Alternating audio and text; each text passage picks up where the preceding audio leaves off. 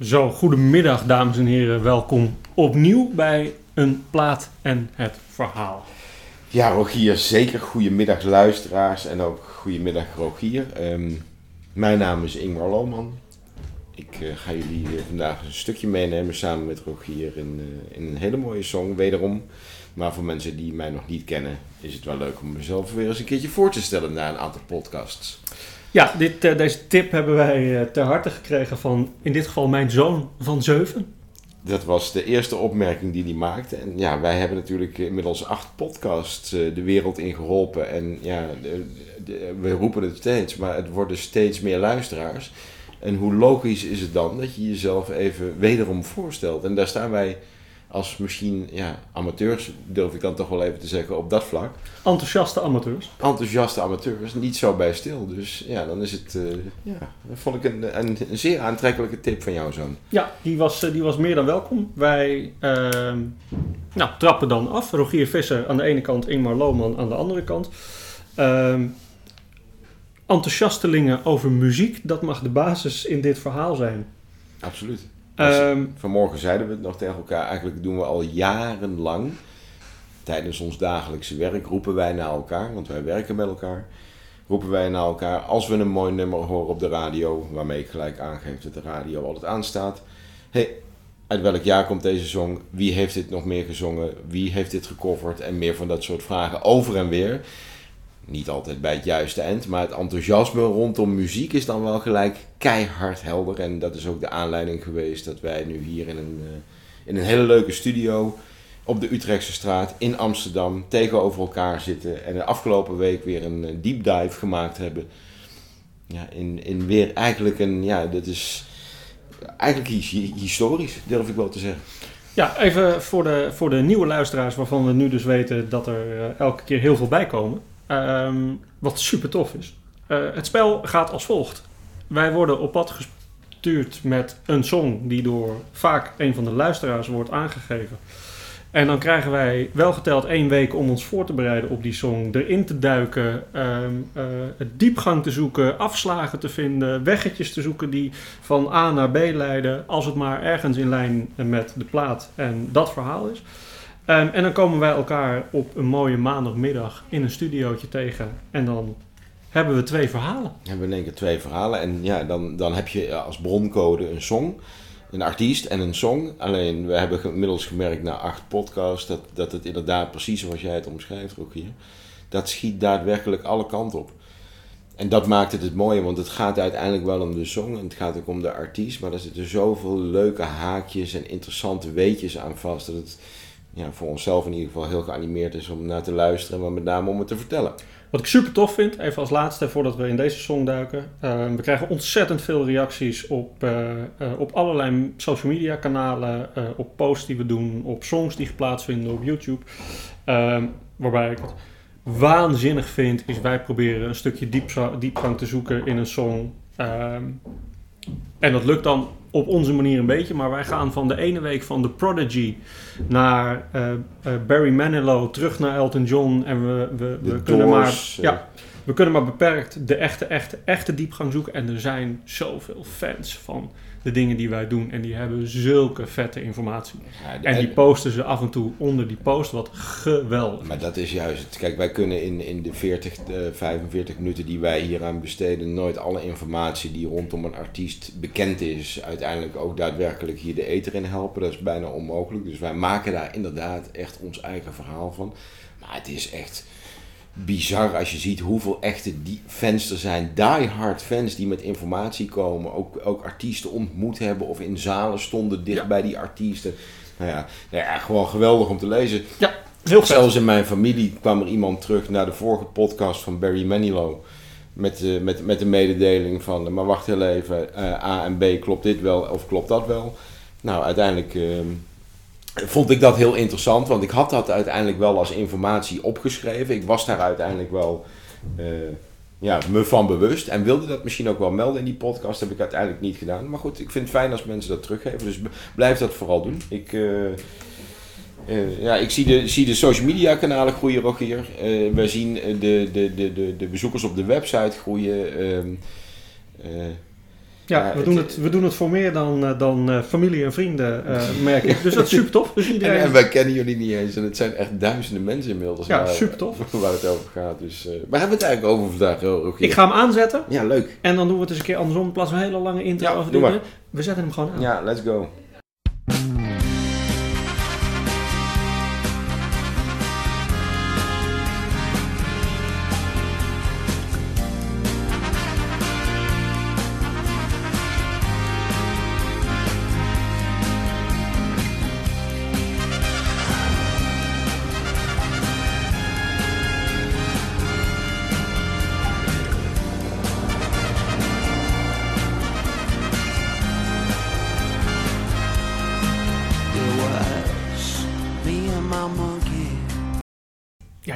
Eigenlijk stoppen. Hier moet je, dat is werkelijk waar. Dit, dit is waar het om gaat nou. De, luister, de oplettende luisteraar weet gelijk waar we het over hebben. Dat is Robbie Williams. Met de song Me and My Monkey. Ja, we zijn op pad gestuurd. Eh Thijs, dankjewel. Zeg het thuis, Ehm, thank you. Eh Me and My Monkey van, eh, van Robbie Williams. En dan kom je in de wereld van Robbie Williams. Ja, en die man die, ja, geboren in 1974, even wat technische informatie. In Engeland, in een, in een buitenwijk, eigenlijk een beetje begonnen als jong voetballertje, omdat hij dat leuk vond. Eh, totaal niks met muziek, meer met toneel of acteerwerk in de eerste aanleg. Eh, maar bij ons allemaal bekend als, als, als de grote Robbie Williams. Eh, ook nog uit, uit natuurlijk de, de boyband groep waar we het ook wel even over gaan hebben. Take That. Ja, waar hij op zijn zestiende als jongste knaapje aan toegevoegd werd. Ja, inderdaad. Ja, Ja, is- dat, dat las ik. Wat ik ook las, wat ik ook erg leuk vond. ehm, eh, hij werd in zijn jeugd dan door de muziek eh, beïnvloed. Door artiesten, en dat hoor je natuurlijk later nog wel een keer terug. Als Frank Sinatra, Dean Martin, Sammy Davis Jr., eh, Nat King Cole, eh, Ella Fitzgerald. Dus heel traditioneel. ja, eigenlijk hoorde hij de muziek voorbij komen van met name zijn moeder. Ja. Ehm, en wat ik daarna van zijn moeder weer begreep, althans ik niet zelf, maar uit een interview. Eh, Stel- you wish. Ja, ja, je had er even gebeld. ja, Ja. dat, dat you Ja. wish. Ja. Ehm, dat hij vooral vanaf zijn jaar of tien heel erg in hip-hop en electro-achtige eh, dancemuziek terecht kwam. Ja. Ehm, ja, en werd natuurlijk, eh, natuurlijk heel vroeg toegevoegd aan, aan wat we net zeiden, aan Take That. Die jongen was Nou 16. ja, eh, ja, 16 jaar en dan ben je een jongetje inderdaad van 16 en dan blijkt je toch voor, uit de, dan heb je toch een uitzonderlijk talent. Er doen 2000 deelnemers mee aan een, aan een soort, nou noem het maar even, een soort talentenjacht.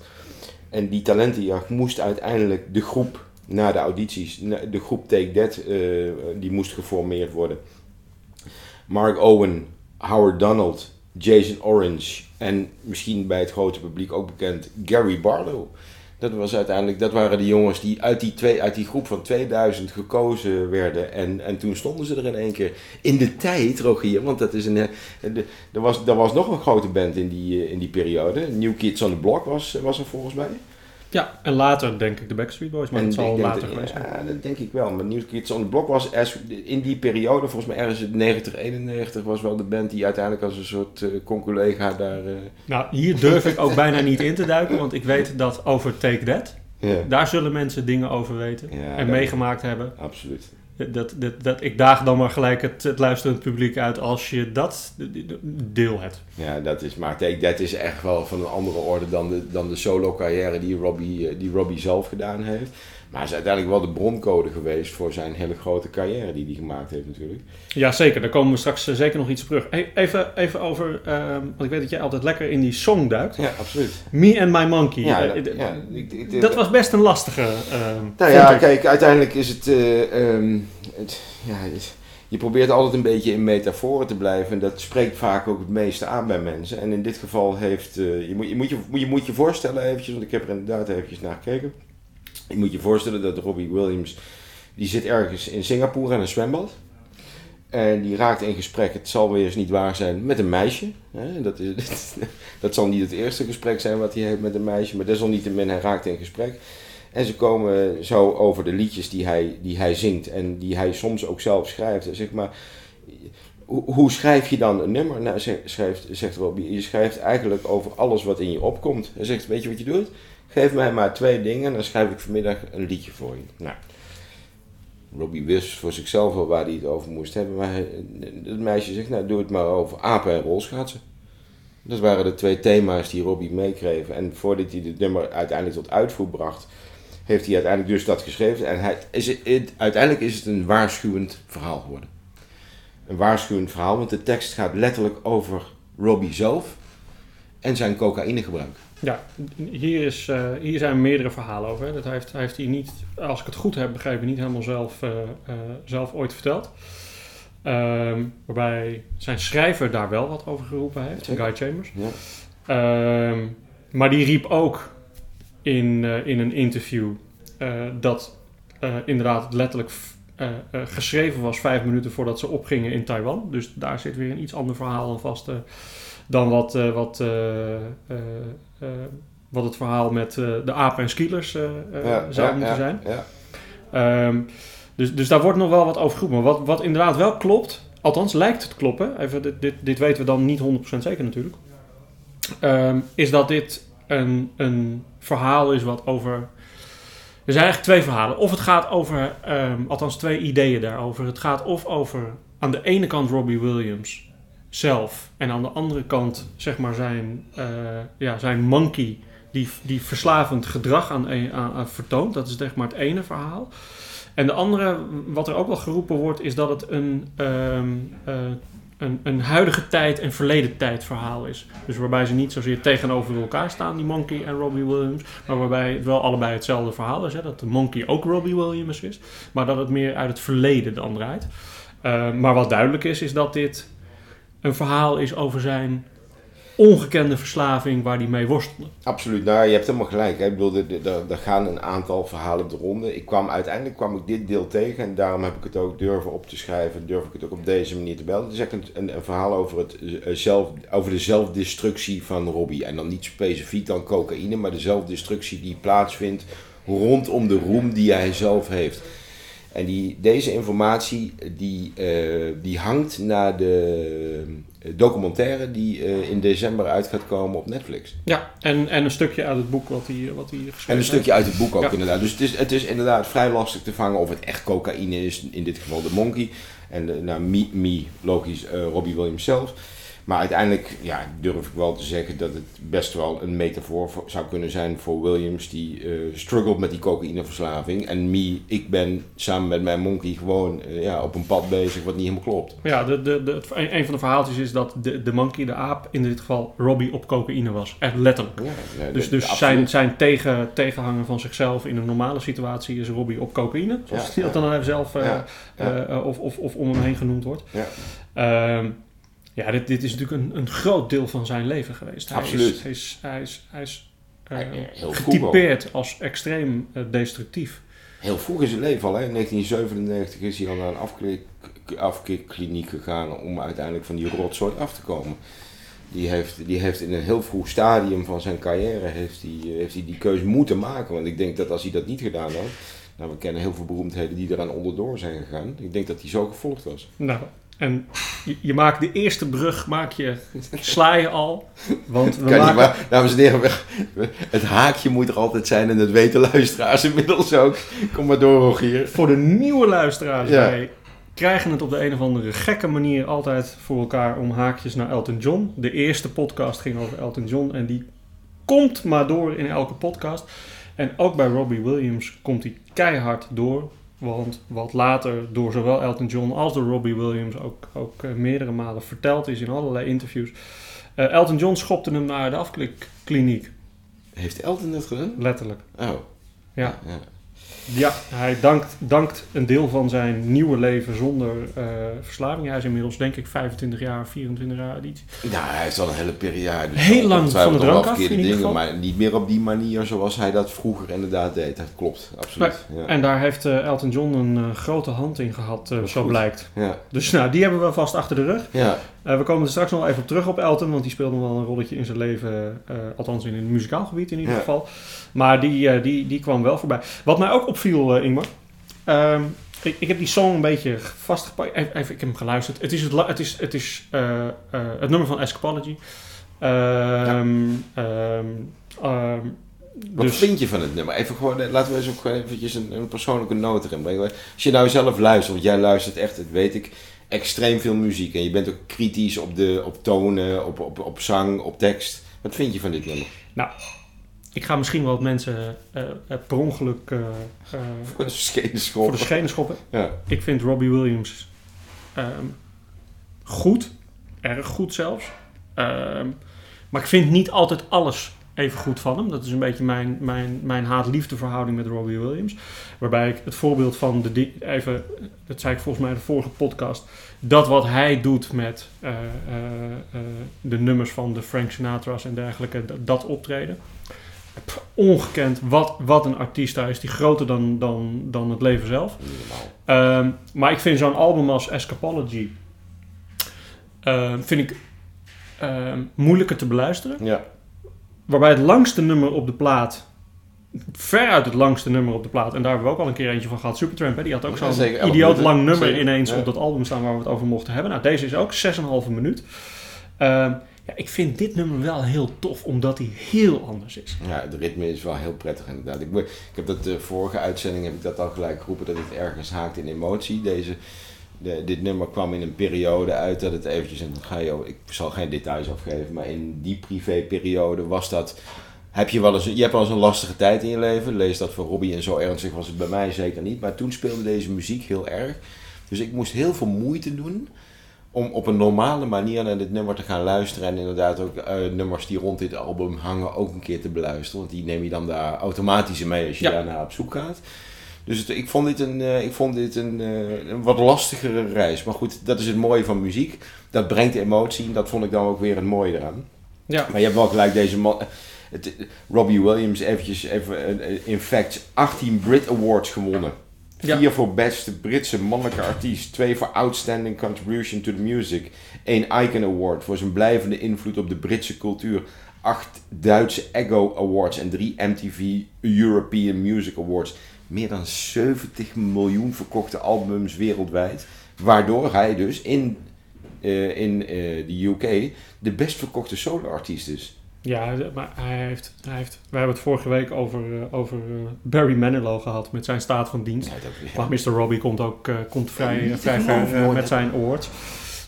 Dat, dat, dat, Ja. dat, dat is gewoon niet te geloven dat er zoveel. Nou ja, goed, ik vind in 70 miljoen verkochte albums, Rogier, dat is, dat is, dat is bijna buitenaards. We zagen dat gisteren, we leven namelijk een dag na, de, na het WK. Maar eh, de, sommige buitenaardse dingen zijn gewoon helemaal niet in beeld. Die komen, komen pas in beeld als je er even naar op zoek gaat. Dit is er één van. Ja, ja ontzettend. eh, on- on- even wat ik, wat ik grappig vond. Ik wist niet. eh, hij heeft een- eigenlijk een vaste schrijver, hè, Guy Ja. Chambers. Ja. Ehm, maar met wie hij samenschrijft. En in, in een aantal, ik heb veel interviews, dat doe ik altijd voor dit soort dingen. Ga ik altijd interviews kijken, want daar komen altijd mooie dingen uit. Dan zegt iemand eh, bepaalde dingen. Ehm, en wat me heel erg opviel, los van dat er heel veel interviews zijn over zijn destructieve karakter. En dus Mhm. daar gaat het vaak over. Eh, wat mij ook ontzettend opviel, is dat hij behoorlijk geïrriteerd kan worden. Ehm, als hij het gevoel heeft, en dat heeft hij blijkbaar ergens, dat hij niet genoeg gewaardeerd wordt als artiest. En dat komt natuurlijk een beetje uit Take That naar Robbie Williams Ja, toe. ja. Eh, daar, zal ongetwijfeld eh, voor de goede psycholoog een heel mooi verhaal achter zitten. Eh, maar je merkt dat hij daar geïrriteerd over wordt. En een van die irritaties die toch wel in een aantal interviews terugkomen, is hij heeft 67 songs geschreven. Bizar, hè? En hij wordt het. daar eigenlijk niet echt heel erg voor gewaardeerd zoals andere artiesten dat wel worden. Nee. nee. Wat eigenlijk heel gek is. Dus dat is iets wat hem, wat hem toch blijkbaar ja, ergens in zijn, in zijn hoofd zit hem dat tot op de dag van vandaag dwars. En hij blijft maar nummers schrijven. En hij, de, even, eh, eh, Angels is natuurlijk wat hij, Ja. wat- hij, heeft, hij heeft Angels heeft hij samen met Guy geschreven. Ja. Waanzinnig. Ja, Wat een song. Ja, wat een song, ja. Zou dat komen omdat hij, omdat hij het niet gerekt... eh, hij rekt dat niet of zo. Het is geen steady artiest. Waar zou dat door komen? Als je kijkt naar Elton John, die blijft maar doorgaan en doorgaan. In Nederland hebben we een artiest en die is dan nu wel in de afsluitende fase. Maar als een Rob de Nijs, zo'n 40 jaar lang of 50 jaar lang. Maar hij krijgt het op een of andere manier niet voor elkaar inderdaad om er een soort staart aan te breiden. Ja, weet ik niet. Kijk, hij is natuurlijk eh, als artiest waanzinnig groot. Alleen eh, als artiest wordt hij ook wordt, wordt hij zo neergezet. Met Ja. al zijn awards en al zijn prijzen Ja. en al zijn hit, eh, hits die hij, die hij maakt. Ehm, maar wat, we, wat je minder bij hem terugziet, is zijn credits als songwriter. Ja. Zoals we vorige week zagen met Barry Manilow, die wordt eh, zowel eh, als songwriter heel erg eh, Ja, neergezet. absoluut, absoluut. Ehm, en als, als artiest. Ja. En die twee liggen prima in balans met elkaar. Ja. En dat zie je toch minder bij, bij een Robbie Williams. En dan, dan merk je dat dat hem ergens dwars zit. Nou ja, dat, dat, ja, als je 67 songs schrijft, waaronder een paar knijters van hits, dan, dan snap ik dat ook wel ergens, ja. Ja, ja, dat is waar. Kijk, en hij, nota bene, hij is ooit begonnen in 96. En, en, als tweede Take That dit heeft hij toen een solo eh, album uitgebracht. En dat was een statement met zijn cover van George Michael's Freedom. Ja. Even een linkje naar George Michael in dit geval. Ja. Dat was een van de eerste. Na Gary Ba- Barlow overigens hoor, want die heeft dat als allereerste gedaan. Een linkje terug is ook leuk. George Michael heeft ook een nummer met Monkey. Hey, Ja. Monkey. ja, Ja, dat klopt ja. Uite- uiteindelijk heeft hij dat nummer niet gemaakt omdat hij het zo'n mooi nummer vond. Maar dat was meer een sneer eigenlijk naar zijn, eh, naar zijn contract met een andere platenfirma die hij had. Eh, Ja. BM, eh, BMG even op zijn Nederlands. Dus da- daarom heeft hij dat gedaan. Maar ja, ik vind het ook lastig te, lastig te pointen ook hier. Ik weet ook niet waarom hij niet de status heeft die hij inderdaad op basis van de facts in ieder geval Ja, songwriter Zeker. met name. ja, Ja. Nou, ja, nou goed, maar misschien, ook wel als artiest. Hij is er ook even uit geweest. Hè? Hij loopt nu gewoon als, als, als, als net, net gezinmannetje loopt hij gewoon rond in de wereld. Het is niet, een, eh, het is niet meer de flamboyante man die hij vroeger was.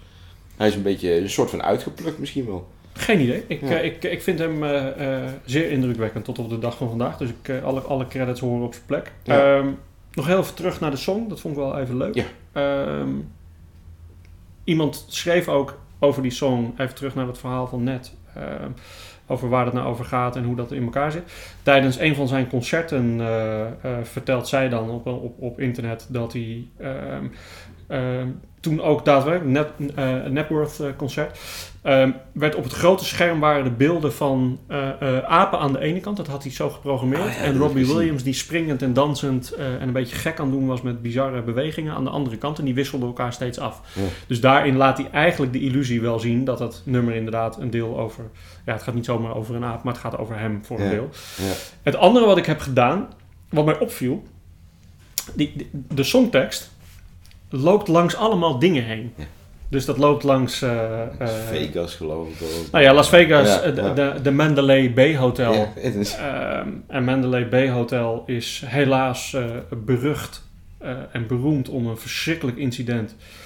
waar volgens mij 60 eh, mensen gedood zijn bij een schietpartij. op, de, op de 32e verdieping van dat hotel. Eh, terwijl het ook bekend is van een theater wat daarin zit, waar Ja. 1800, eh, 1800 mensen in kunnen. Waar onder andere Chicago heeft gedraaid, Mamma Mia, Lion King die had ik ook gedraaid. gelezen. Ja, Ja, dat- ja, dus daar is het- dus het is eigenlijk een beetje gek. Eh, overigens kwam ik er ook achter. Is, het, het- ik was benieuwd, is dat dan.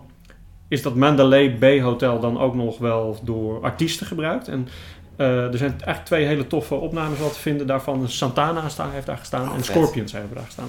En Nog vetter. Ja, heel, heel vet. Ja, De absoluut. Scorpions.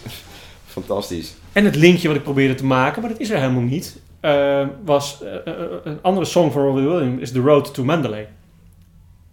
Ja, Maar dat gaat daar niet over. Nee, nee? Heeft Nee, dat, heeft dat, er eigenlijk niks mee te maken. Nee, nee. Dat, dat, eh, daar komen we misschien ooit op een dag nog, of, of weet ik veel, dat is iets te, te lang. Dit is ook een, een redelijk uitgebreide song met veel, veel verhaal erachter. Maar hij komt ook in die song langs Butch and the Sundance Kid. Hij gaat langs Kurt Cobain. Eh, Billy the Kid komt voorbij. Sheena Easton komt voorbij. Fantastisch. Echt geweldig. En ik moest lachen om Sheena Easton eigenlijk, want dat brengt ons even een klein beetje bij Take That, als iedereen dat goed vindt. Ehm, het- hij is natuurlijk als eerste eigenlijk uit Take That gestapt. Ehm, ah, ongeveer eruit gegooid, denk ik. Nou, ik denk Ehm, wel dat het ook met name kwam door dat hele gesodemieter met die drugs. Ja, nou even wat, wat een verhaal is, wat ik, wat ik dan mooi kon terugvinden. En daarom Sheena Easton is voor mij altijd gelinkt aan Prince. Ehm, en, en toen moest ik even lachen in dit verhaal toen ik aan het zoeken was. Eh, wat ik tegenkwam is tijdens het optreden op de MTV Awards in 1995 eh, eh, zakte Robbie Williams in elkaar. Ehm, omdat hij Ja, so-called nachten heeft doorgebracht met Naomi Campbell. ja. Ehm, aan de ene kant... Wie zakt dan niet in elkaar? Maar... wie zakt dan misschien niet in elkaar, maar aan de andere kant iets te veel drank en drugs gebruikt had. En hij is toen door de lijfarts van Prince, die daar ook was, is die medisch volledig verzorgd, zodat hij weer kon staan in ieder geval. Hij mocht niet meer optreden. En ik denk dat het daar ook wel een beetje volledig mis is gegaan. Want volgens mij op, in februari een jaar later, ehm, volgens mij, eh, als ik het heel goed herinner, zelfs op Robbie Williams' zijn verjaardag, want dat, was, dat, dat kwam zo uit, eh, kondigde Take That aan dat ze, dat ze eh, ja, met How Deep Is Your Love van de Bee Gees cover afscheid gingen nemen. Absoluut, dat was Ja. een, ja, absoluut. En dan gaat hij uiteindelijk, neemt hij zijn, eh, zijn eerste, oh, dan gaat hij solo.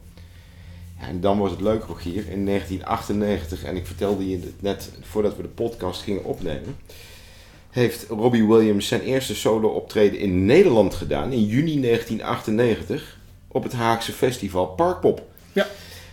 En nou wil het zo dat ik daarbij was. En sterker nog, ik ga voor jullie luisteraars ook, maar ook voor Rogier even specifiek. Ik ga even op zoek naar die foto dat ik daar sta met op de achtergrond op het eh, podium Robbie Williams. In het Haagse Parkpop. Nou, dat is, Dat is in de nazomer van 98 geweest. Waarbij hij ook een liedje zong over de millen- Millennium Bug op dat moment. En dat nam hij een beetje op de korrel met het nummer Millennium.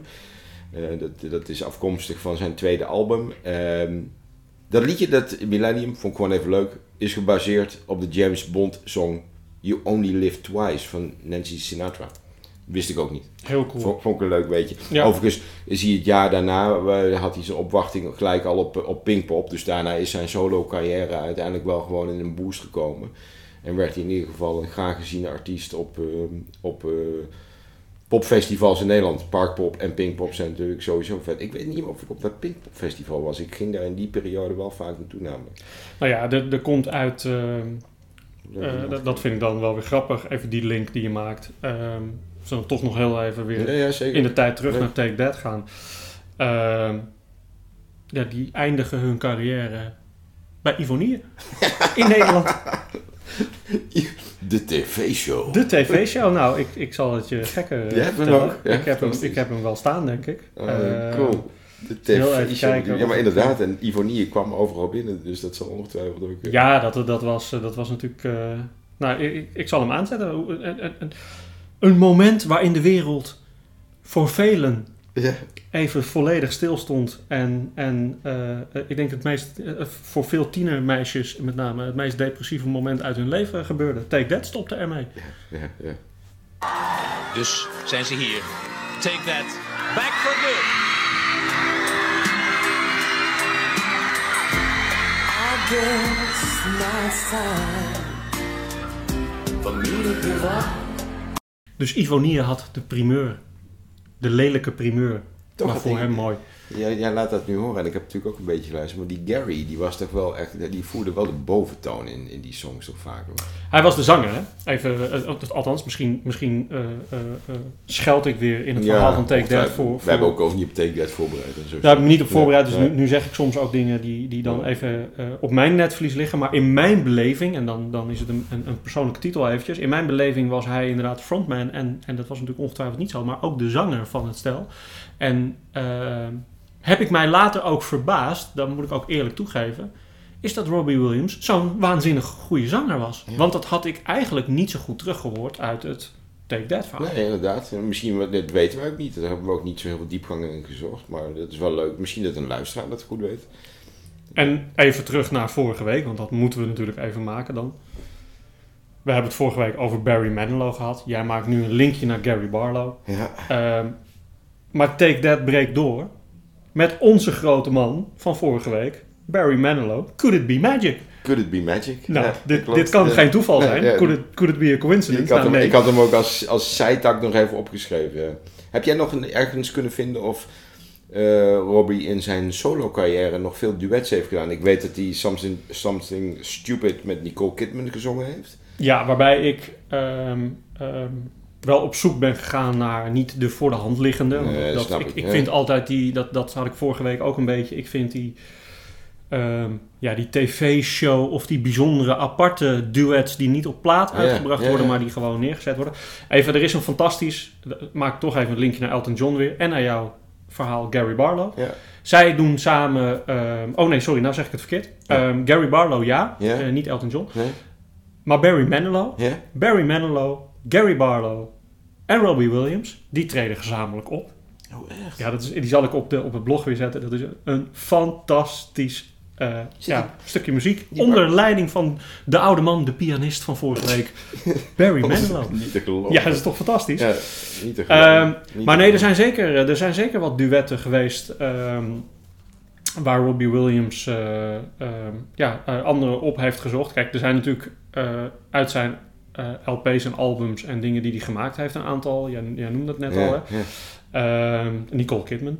Ja, ja. nou ja, die, die Grappig, was ook daar- in die periode. Ik bedoel, je- we gaan natuurlijk een beetje door de tijd heen inmiddels. We zitten ergens al, denk ik, in zijn top, top- en roemjaren. En dan praat je ergens over 2002 in het begin. Dan, dan, dan, dan speelt dat allemaal. Dat is echt overigens wel even aan de solo-kant eh, de, de top die hij uiteindelijk heeft kunnen bereiken. En we praten even inmiddels over 20 jaar geleden, ook hier. ja, zeker. Dat, eh, Ehm, ja, wat ontzettend... Even, even, ik laat er een paar uitpakken. Ehm, op het album waarop Me and My Monkey staat... ehm, staan meerdere nummers. En één, één daarvan, dat vond ik wel grappig om te lezen... toen het album eh, nou, gemaakt werd en gecomponeerd werd en aangeboden werd...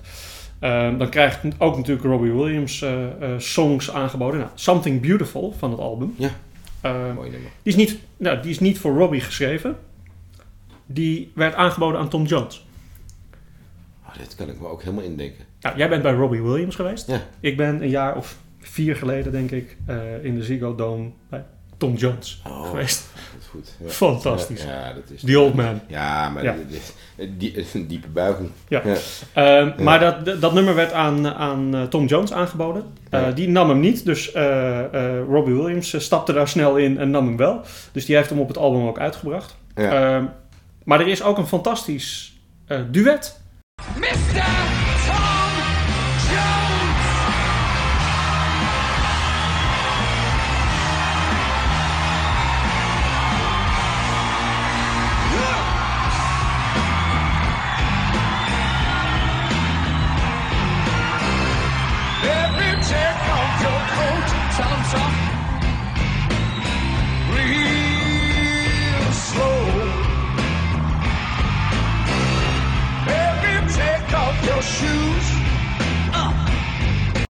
Nou, hier hoor je ehm, de beide mannen Ja. die even een song samen doen. Wat ik fantastisch vind als voorbeeld van een prachtig duet eh, eh, tussen de mannen. Ehm, Ja, en ik- Hij, ik- had, hij had wat meer moeten doen. Hè. Ik bedoel, dat, ja. Nou, ik, ik hou wel van die artiesten die Ja. samen op podium kijken. Dat is een beetje mijn, mijn, eh, mijn discovery van muziek vaak. Is dat ik weer op dingen kom die, die deden weer samen iets met die. En die stonden op het podium met die. We hadden natuurlijk vorige week Barry Manilow, die fantastisch staat dus al heel, heel lang niet echt heel actief op het podium. Kijk, eh, als je, eh, Tom Jones zit in de jury van, van eh, The Voice of America. Ja. Die man is nog heel actief. En, en, en ja, ik zei het net al, uiteindelijk is 2002 eigenlijk een soort hoogtepunt. En tegelijkertijd, eh, de- toen had hij EMI als, eh, als eh, platenbaas. daar heeft hij een hoop ruzie mee gekregen. Ik weet dat het om een kleine 100 miljoen euro ging die hij toen binnensleepte tijdens die hele contractonderhandelingen met EMI. Daar kreeg hij een hoop ruzie over. En uiteindelijk heeft hij is die, heeft die ruzie geleid dat hij een nieuwe platendeal is gaan, gaan, gaan inzetten. En Kai Chambers, jij riep hem net al, daar heeft hij gewoon echt mop mee gehad. Die zijn uit elkaar gegaan. Op basis daarvan. En daarna, in 2003, eigenlijk over zijn roem heen, heeft hij twee keer hier in Nederland in een uitverkochte arena gestaan. Maar nu komt het, in, een, in ongeveer een maandje later, na twee keer arena, heeft, hij, heeft die zanger in een van de grootste live shows in het Verenigd Koninkrijk 375.000 bezoekers die naar zijn concert kwamen. Ja. Daar probeerde hij een beetje de poen mee terug te verdienen die hij verloren was met die EMI-deal en die ruzie die daaromheen zat. Maar toen is dat eigenlijk toch heel langzaam wat afgegleden. Heeft hij niet meer, ook, wat- misschien dat jij die nu zo voorhanden hebt, die, die heb ik nu even niet in beeld, die hele, eh, in Londen, Mr. Bojangles. Ja, nee, even, die, die, dat vind ik een waanzinnig, eh, waanzinnig verhaal. Dat was er in diezelfde periode. Ja, weet ik niet, heel eerlijk. Nee, nee. Ehm, ik, ik ben daar omdat ik, omdat ik eh, op een gegeven moment even weer moest stoppen, anders wordt het eh, 2,5 uur uitzending. Eh, ehm, ben ik daar verder eigenlijk niet op ingedo- ingedoken, maar ik vind dat, dat album Ja. vind Ja, ik waanzinnig. Dat nee, vind ik, dat, da- daar vind ik hem fenomenaal. Ja. Ehm, maar even, ehm, wat misschien leuk is, eh, jij zegt Guy Chambers, ja, eh, zijn vaste schrijver. Guy Chambers is, eh, is later ook nog zelf weer platen gaan maken. En die vond dat heel lastig en, en heeft, eh, heeft nog wat uitgebracht. Maar wat ik, wat ik nog veel grappiger vond, is dat Guy Chambers zelf ook in een band zat. Oh. Voordat hij, eh, voordat hij eigenlijk met Robbie als schrijver dan doorbrak. Eh, en dat heette The Lemon Trees. Ja, misschien ken je het. Ja. Ehm, ik zal het laten horen.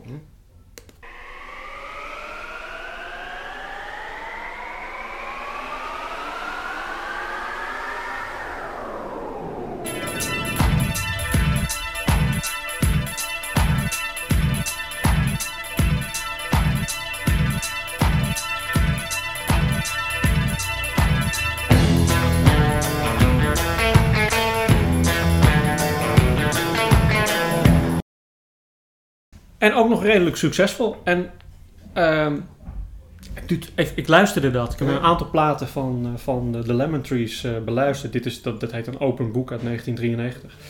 Ehm, Simple Minds.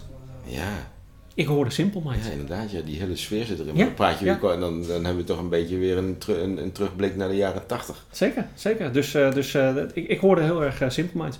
Ja. Even, ehm, voordat we weer verder duiken naar iets anders. En ik vergeet, ehm, want jij vroeg naar duetten. En ik, en, en ik zou er bijna één vergeten. Maar dit, dat is voor hem, dat, daar zie je heel veel over terug. En dat is voor hem ongelooflijk belangrijk. Zijn vader was ook een, eigenlijk een artiest. Een comedian en een eh, zanger. En een beetje in de, de Frank Sinatra-achtige stijl. Gelezen, ja. ja, ja, Eh, die deed ook zijn optredens en, en vertelt in een aantal interviews fantastisch over alle dingen die hij daarna ook, eh, eigenlijk na zijn carrière, maar in de carrière van Robbie heeft meegemaakt, met Robbie samen. Maar even, het is bijna kerst. Ja. Eh, eh, zij doen ook een kerstnummer samen. Die is, die is onwijs, ja, dit, dit is Dit, samen. dit is nou een leuke luisteraars. Rogier die heeft allemaal van die, van die... Ik ga er ook eens een keer aan werken. Dat jullie ook eens een keer een stukje van mij gaan krijgen. Is gewoon, is Nou. gewoon, is gewoon te leuk namelijk steeds. Even, deze song heet Robbie Williams, The Christmas Present, dat is het album. En nummer, track nummer 8, it, It's a Wonderful Life. En dan zegt hij featuring Papa Pete. En dat is Papa zijn vader. Peter. Ja, ja, dus ik zal hem even, even laten horen.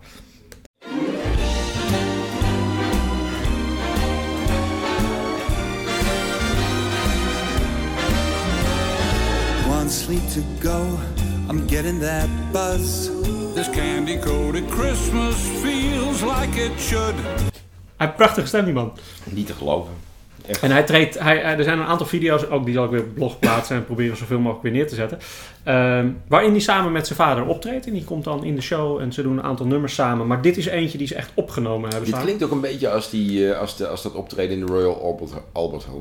Ja, oh ja. Ik, ik, dat zou Ja. daar zomaar in kunnen passen. Dat kan die ik had erin gekund. Hè? Die had daar zomaar, qua sfeer en qua stijl past dat helemaal Zeker. in dat, eh, in dat plaatje. En zijn vader heeft ook die stem, want die heeft een beetje dat Frank Sinatra-achtige. En dat is ook een, een, een crooner Ja. eigenlijk. Ja. Ehm, ehm, dus dat was wel grappig. Eh, ik vond, vond ik leuk om tegen te komen. ja, Mo- leuk. mooie song ook. Even, Maar goed, hij gaat, hij, de- uiteindelijk gaat William, die gaat, de, de Robbie Williams gaat uiteindelijk een jaartje of 15 solo. En daarna ergens rond 2010 eh, met Gary Barlow, Gary Barlow gaat hij weer de hereniging in met, met, de, met de groep waar wij geen diepgang in gezocht hebben met Take That. Eh, hij gaat op, op, op tournee. Hij staat zelfs daarmee in een volle arena. Even voor jullie beeldvorming. Als voorprogramma van de Pet Shop Boys. ja, waarom niet? Ja, waarom ook niet inderdaad. Dus die, maar die, die was, was van korte duur, die reunie. Ze hebben dat volgens mij anderhalf jaar volgehouden. En daarna gaat hij weer solo en dan neemt hij weer een album op.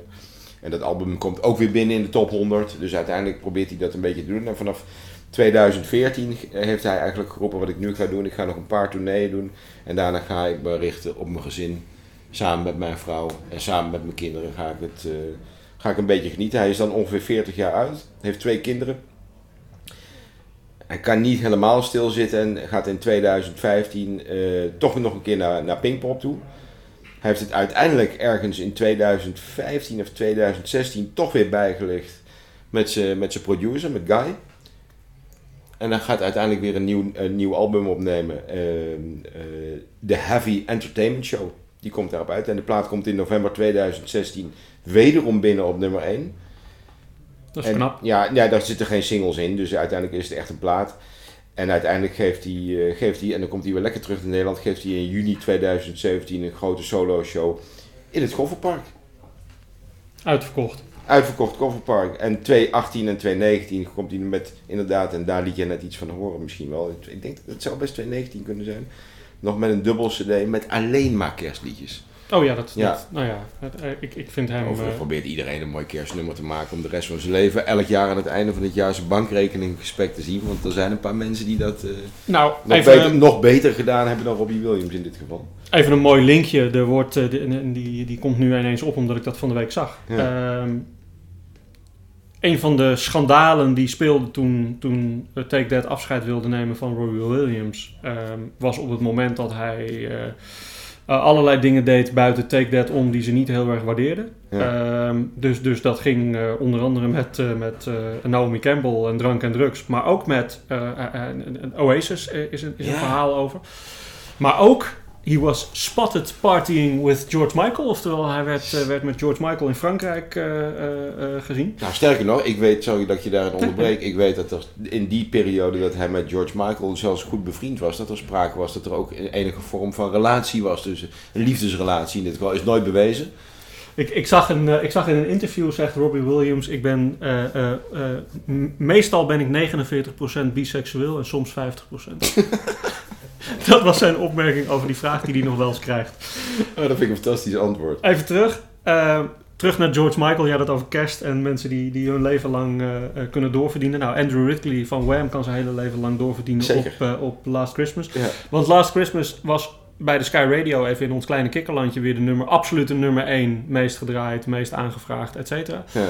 Ehm, en in de UK is wederom, geloof ik, voor de veertiende keer op rij, ja. Last Christmas, het meest gestreamde nummer in december, staat op number one in de UK. Spannend. En je hebt uit All I Want for Christmas is You van de Mariah Carey. Ik heb toevallig gelezen, een week of drie geleden, ook bij een speurtocht ergens voor een song, dat zij daar jaarlijks zo'n 2,5 miljoen pond aan overhoudt. Nou, dan wil je al helemaal niet weten wat een Last Christmas uiteindelijk eh, activeert. Ja, nee, ehm, ehm, hij staat weer op nummer 1. Ik, ik wist niet dat hij, ik wist wel dat hij vaak op nummer 1 staat, maar dat blijkt al, al jaren achter elkaar eh, staat, deze, staat deze op nummer 1. Heel vet, heel vet. Dat ging even over kerst, even afleiding. Ja, ja. Eh, terug naar de Monkey Song. Ja. Ehm, wat ik ook, eh, wat, wat ik wel grappig vond, is het is een, een, een nummer op het album. Maar hij is nooit als single uitgebracht. En ondertussen een van de meest aangevraagde nummers voor live optredens. Dus ergens wordt hij extreem gewaardeerd door, eh, door de fans van, eh, van eh, Ja, ja, ik moet er nog steeds aan wennen en mijn emotie daaromheen die blijft altijd bestaan, heb ik gemerkt na 25 keer luisteren. Maar dat maakt niet zo heel veel uit. Het, is inderdaad een heel bijzonder nummer. Alle, ja, iedereen die nu luistert heeft in ieder geval een bepaalde link met, met Robbie Williams, is daar fan van of wil daar meer over weten. Ik riep het al een klein beetje in het begin van deze podcast, dat Netflix een documentaire maakt over het leven van, van Robbie Williams. Ik ben daar wel heel nieuwsgierig naar. Zij, zij roepen dat ze een hoop beelden hebben en interviews hebben eh, over het leven van Robbie Williams die nooit eerder betoond zijn, eh, vertoond zijn. Dus ehm, ja, is- beho- behoorlijk exclusief. Ja, er is enorm veel te vinden in interviews, eh, eh, van interviews met eh, Robbie Williams. Ehm, ik zal op het blog een aantal zetten, maar eentje die ik er zeker bij zal zetten, die ik fantastisch vond, is van onze eigen Eva Jinek. Die heeft hem eh, niet zo lang geleden geïnterviewd. En, en ik, eh, ja, zij doet dat op een hele leuke manier, waarop hij waarop die erg ook ingaat op zijn eh, depressies en alles wat daar omheen speelt. Ja. Ik kon het ook niet nalaten, je hebt altijd eh, eh, gekkigheidjes. Ehm, er zijn 29 songs die over monkeys gaan. Oh, cool. Althans, zover ik ze geteld heb. ja, nee, ja, dat, eh, Maar daar wil ik het toch even... Ik zei net al Monkey, George Michael, hè, die, die, eh, die eh, Brass Monkey. Beastie Boys kwamen we, kwamen we een paar weken geleden tegen ehm, bij The Prodigy. Nee, bij Iron Maiden was dat dat we de Beastie Boys tegenkwamen. Ehm ehm, eh, Brass Monkey is daar een van de hits. Ja. Aerosmith heeft er eentje. Counting Crows, Chuck Berry. Maar ik wil hier er wel twee even, even uitpakken. ja, ja, ja. Want we komen toch altijd ook weer een beetje bij de Beatles en de Stones terecht.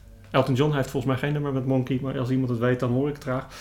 Ehm, Everybody's got something to hide except me and my monkey.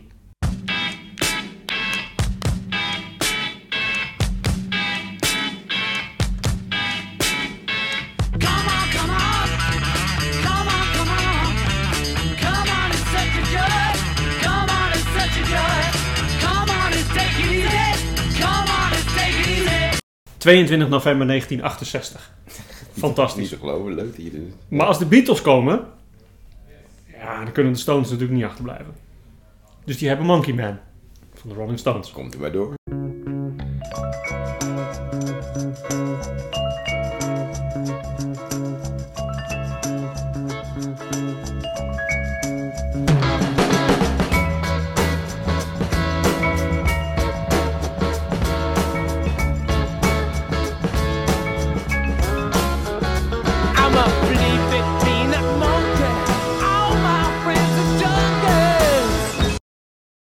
Stones, Monkey Man. Zou het allemaal over cocaïne gaan ook? is trouwens 1969. Nee, niet te geloven. Ja, je kan niet achterblijven natuurlijk. Nee, nee, nee. Ja, fantastisch. Ja, ja, eh, lieve luisteraars, eh, Robbie Williams, even nog even in de facts blijvend. Zijn solo-carrière heeft 25 jaar geduurd tot heden. En totaal zit hij 30 jaar in het vak. En in die periode heeft hij totaal 299 liedjes samen of alleen geschreven slash gezongen. Waarvan 61 covers. Ongekend. Ongekend inderdaad, ongekend. En dan inderdaad gewoon 30 jaar in het vak. Dus ja, ik kan bijna niet wachten tot, eh, tot de documentaire op Netflix verschijnt. Die ga ik zeker kijken. Komt daar iets uit? Ja, dan zullen we er ongetwijfeld ergens een haakje in vinden in een van de podcasts die wij, eh, die wij samen doen, eh Rogier. Ik vond het, even in alle opvolging die we hebben gehad, Elton John, The Doors, Supertramp. Eh nou, dan moet je me bijna even gaan helpen, want ik ga al bijna vergeten. Daarna gaan we naar eh, Ralph McTell, Ja, waar, ja, ja, Frank Boeien, Frank Boeien met, eh, met Winter in Hamburg. The Prodigy, Ja, en dan Barry Manilow. En dan mogen we nu, hebben we Robbie Williams mogen doen. Ehm, hier, hier eindigt ook voor dit jaar niet de podcast, maar wel de aanvraag Ja. podcast per artiest per plaat. Want ehm, we hebben er eh, nog twee over, hè? ja, stuur ze vooral wel in, hè, want in januari beginnen we gewoon weer. Eh, maar volgende week doen we, eh, en die kunnen we gelijk bekendmaken. Jouw Christmas song, jouw oproep heeft gewerkt. Ja, Dus jij ik mag heb, het, ik heb het een klein beetje gestimuleerd, hè? Ja. De, de Band 8. Band 8, we gaan eh, Band 8 eh, Ja. eh, onder de loep en onder, onderop. we gaan hem pakken en we gaan eh, Ik erin vind duiken. het ook een mooie Rogier Band 8. Daar zitten eventjes, en iedereen weet dat natuurlijk, daar zitten zoveel artiesten in. En, en wat jij heel mooi gedaan hebt, ik smul daar in ieder geval van, dat je al die haakjes gezocht hebt met artiesten die elkaar kennen, elkaar geholpen hebben, voor elkaar geschreven hebben, piano's uitgeleend, whatever het allemaal voorbij gekomen is. En ik denk dat het heel leuk is even, en dat is niet de afsluiter, laten we daar even helder over zijn, maar het is wel heel leuk om dit nummer te pakken. En uiteindelijk als laatste echte nummer van dit jaar rondom kerst uiteindelijk als podcast eh, de wereld in te helpen. Maar dan hebben we er nog eentje over ook hier en die Ja. is dan echt voor jou. Clo- closing up, eh, de nummer 1 van de top 2000 Bohemian Rhapsody. Dus wij, wij sluiten het jaar eh, op een bijzondere manier af. Voor nu, Robbie Williams. Thijs, de aangever, bedankt. Zeker bedankt Thijs, hartstikke leuk. Mooi Ehm, nummer. Ja, nogmaals jongens. eh, wij, plaatsen weer allerlei dingen, ook op social. eh, verhalen, blogs. Ja, en ehm, ik blijf ook iedereen bedanken, want ik, ik sta nog steeds te kijken en dat komt misschien ook omdat ik het niet gewend ben. De, de reacties, de likes, de, de, de, de, de interacties, dingen die gedeeld worden. Ik vind dat echt hartstikke leuk. Met name hartstikke leuk ook hier. Goed, ook wat ik, als ik dat voorbij zie komen, word ik heel blij. Ja, trots en dankbaar ehm, sluiten wij af en springen naar volgende week. En gaan we het over, gaan we in kerstsfeer over Band 8 praten. Fantastisch. Ik ben heel nieuwsgierig. Succes ook deze week. Jij ook en tot volgende week. Ja, zeker.